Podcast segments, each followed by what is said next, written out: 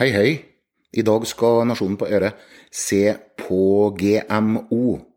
Fordi norsk jordbruk insisterer på kun å selge kjøtt og meieriprodukter som kommer fra dyr som ikke har spist GMO-fôr.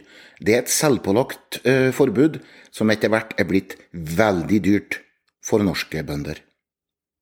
Verden var enklere før, da genmodifiserte organismer var noe frik i samrøret av plantegener i dyrekropper, utklekka i lyssky labkjellere hos globale milliardkonsern, klar til å bli spredt over jorda til fattigbønders og miljøets fortapelse. Det her er en stund siden. Nå går vi inn i potetens DNA og klipper litt i det, sånn at poteten blir motstandsdyktig mot tørråte. Prosessen er mye billigere, dermed er den demokratisert også. Aina Bartmann sier i dag er genteknologi så mye forskjellig at det er litt fordummende å si at man er for eller imot GMO. Lederen i GMO-nettverket, som tidligere het Nettverk for GMO-fri mat og fôr, brukte å posere med plakater der det sto 'mot GMO'. Nå sier Bartmann at vi må tenke nytt. Ja, det kunne vært noe, det. Foreløpig er tankene mye det samme som på 90-tallet. Vi må forske mer, vi vet ikke nok, vi må være føre var. Argumenter som kan brukes i nye 30 år. Både Norge og EU skal fornye sine respektive regelverk. Genteknologiutvalgets forslag til revidert regelverk på genmanipulert mat og fòrråvare er venta 1.6. Disse reglene bør, gitt Norges EØS-tilknytning, være noenlunde like. Men i mellomtida kan jordbruket fritt kvitte seg med et selvpålagt GMO-forbud som koster skjorta. I 1996 sa norsk landbruk kollektivt nei til å bruke GMO-arter, enten det er husdyr eller planter, i Norge. Men i tillegg sa landbruket nei til å importere genmodifisert råvare til fôr. Dette var delvis begrunna i potensielle skadevirkninger av GMO på dyre- og, og folkehelse og miljø, men også på forbrukertilliten til norsk mat. Dermed måtte bøndenes leverandører kjøpe GMO-fri mat, så, unnskyld, GMO-fri soya på verdensmarkedet til kraftfôr.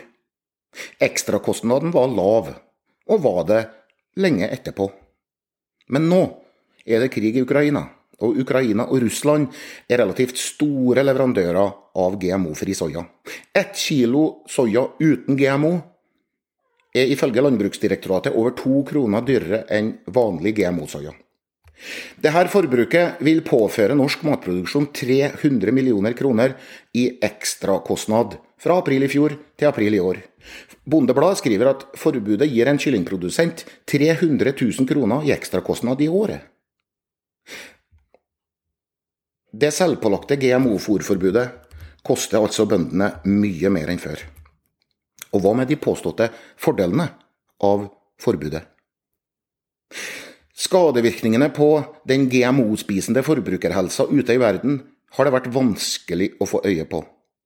Vitenskapskomiteen for mat og miljø, forkorta VKM, har ifølge Mattilsynet vurdert flere av de 26 soyavariantene som er godkjent i EU, uten å finne risiko som skulle tilsi et norsk forbud. Hvor redd er forbrukerne for GMO-fôra mat? Ikke veldig. Iallfall ikke i butikken. Importert ost og kjøtt stammer også fra land der fôring med GMO-råvare er lovlig. Og forbrukerne spiser stadig mer importmat, og kjøper feriereiser til utlandets GMO-bugnende hotellbuffeer. Mens det har vært en del oppmerksomhet rundt importmat og innhold av antibiotika og sprøytemidler, så har mediebildet så å si aldri tatt opp GMO-fôring i importmat. Jeg sliter med å finne noen som har advart norske forbrukere om at importkjøttet og osten de spiser, kan stamme fra genmanipulert fôr. Ikke fra Forbrukerrådet, ikke Matprat, ikke Helsetilsynet og ikke GMO-nettverket. Nå skal reglene endres, kanskje, og nå skjerpes greiene. Helle Berger, redaktør hos GMO-skeptiske Norsk Bygdekvinnelag, angriper Bondebladet for brudd på god presseskikk etter den ferske artikkelen om at GMO-forbudet koster norske bønder 300 millioner.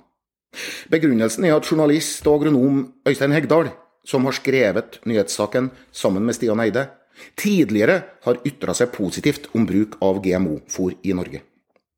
Slik stiger temperaturen i takt med at Norsk landbrukssamvirke reviderer sin GMO-linje.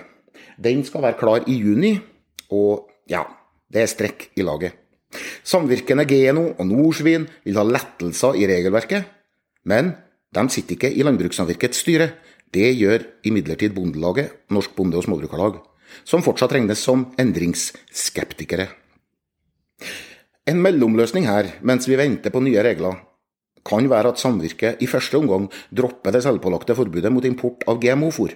For det krever ingen regelverksendring. Da kan kraftfôrprodusentene søke om å få importere GMO-soya, f.eks. noen av dem som er godkjent i EU. 3.4 skal Vitenskapskomiteen for mattrygghet behandle en søknad om import av GMO-rapsolje til norsk laksefôr. Denne godkjenninga, som blir beskrevet som sannsynlig, vil legge ytterligere press på bøndene. Forbrukere har ifølge en meningsmåling fra 2020 ganske høy tillit til at GMO-produkter som er utvikla og godkjent i Norge, er trygge for helse og miljø. Lakseoppdretterne synes heller ikke redde for å selge GMO-fôra mat. Bøndene må da spørre seg om de vil betale stadig mer for å unngå en frykt som blir stadig mindre. Det var Nasjonen på øret i dag.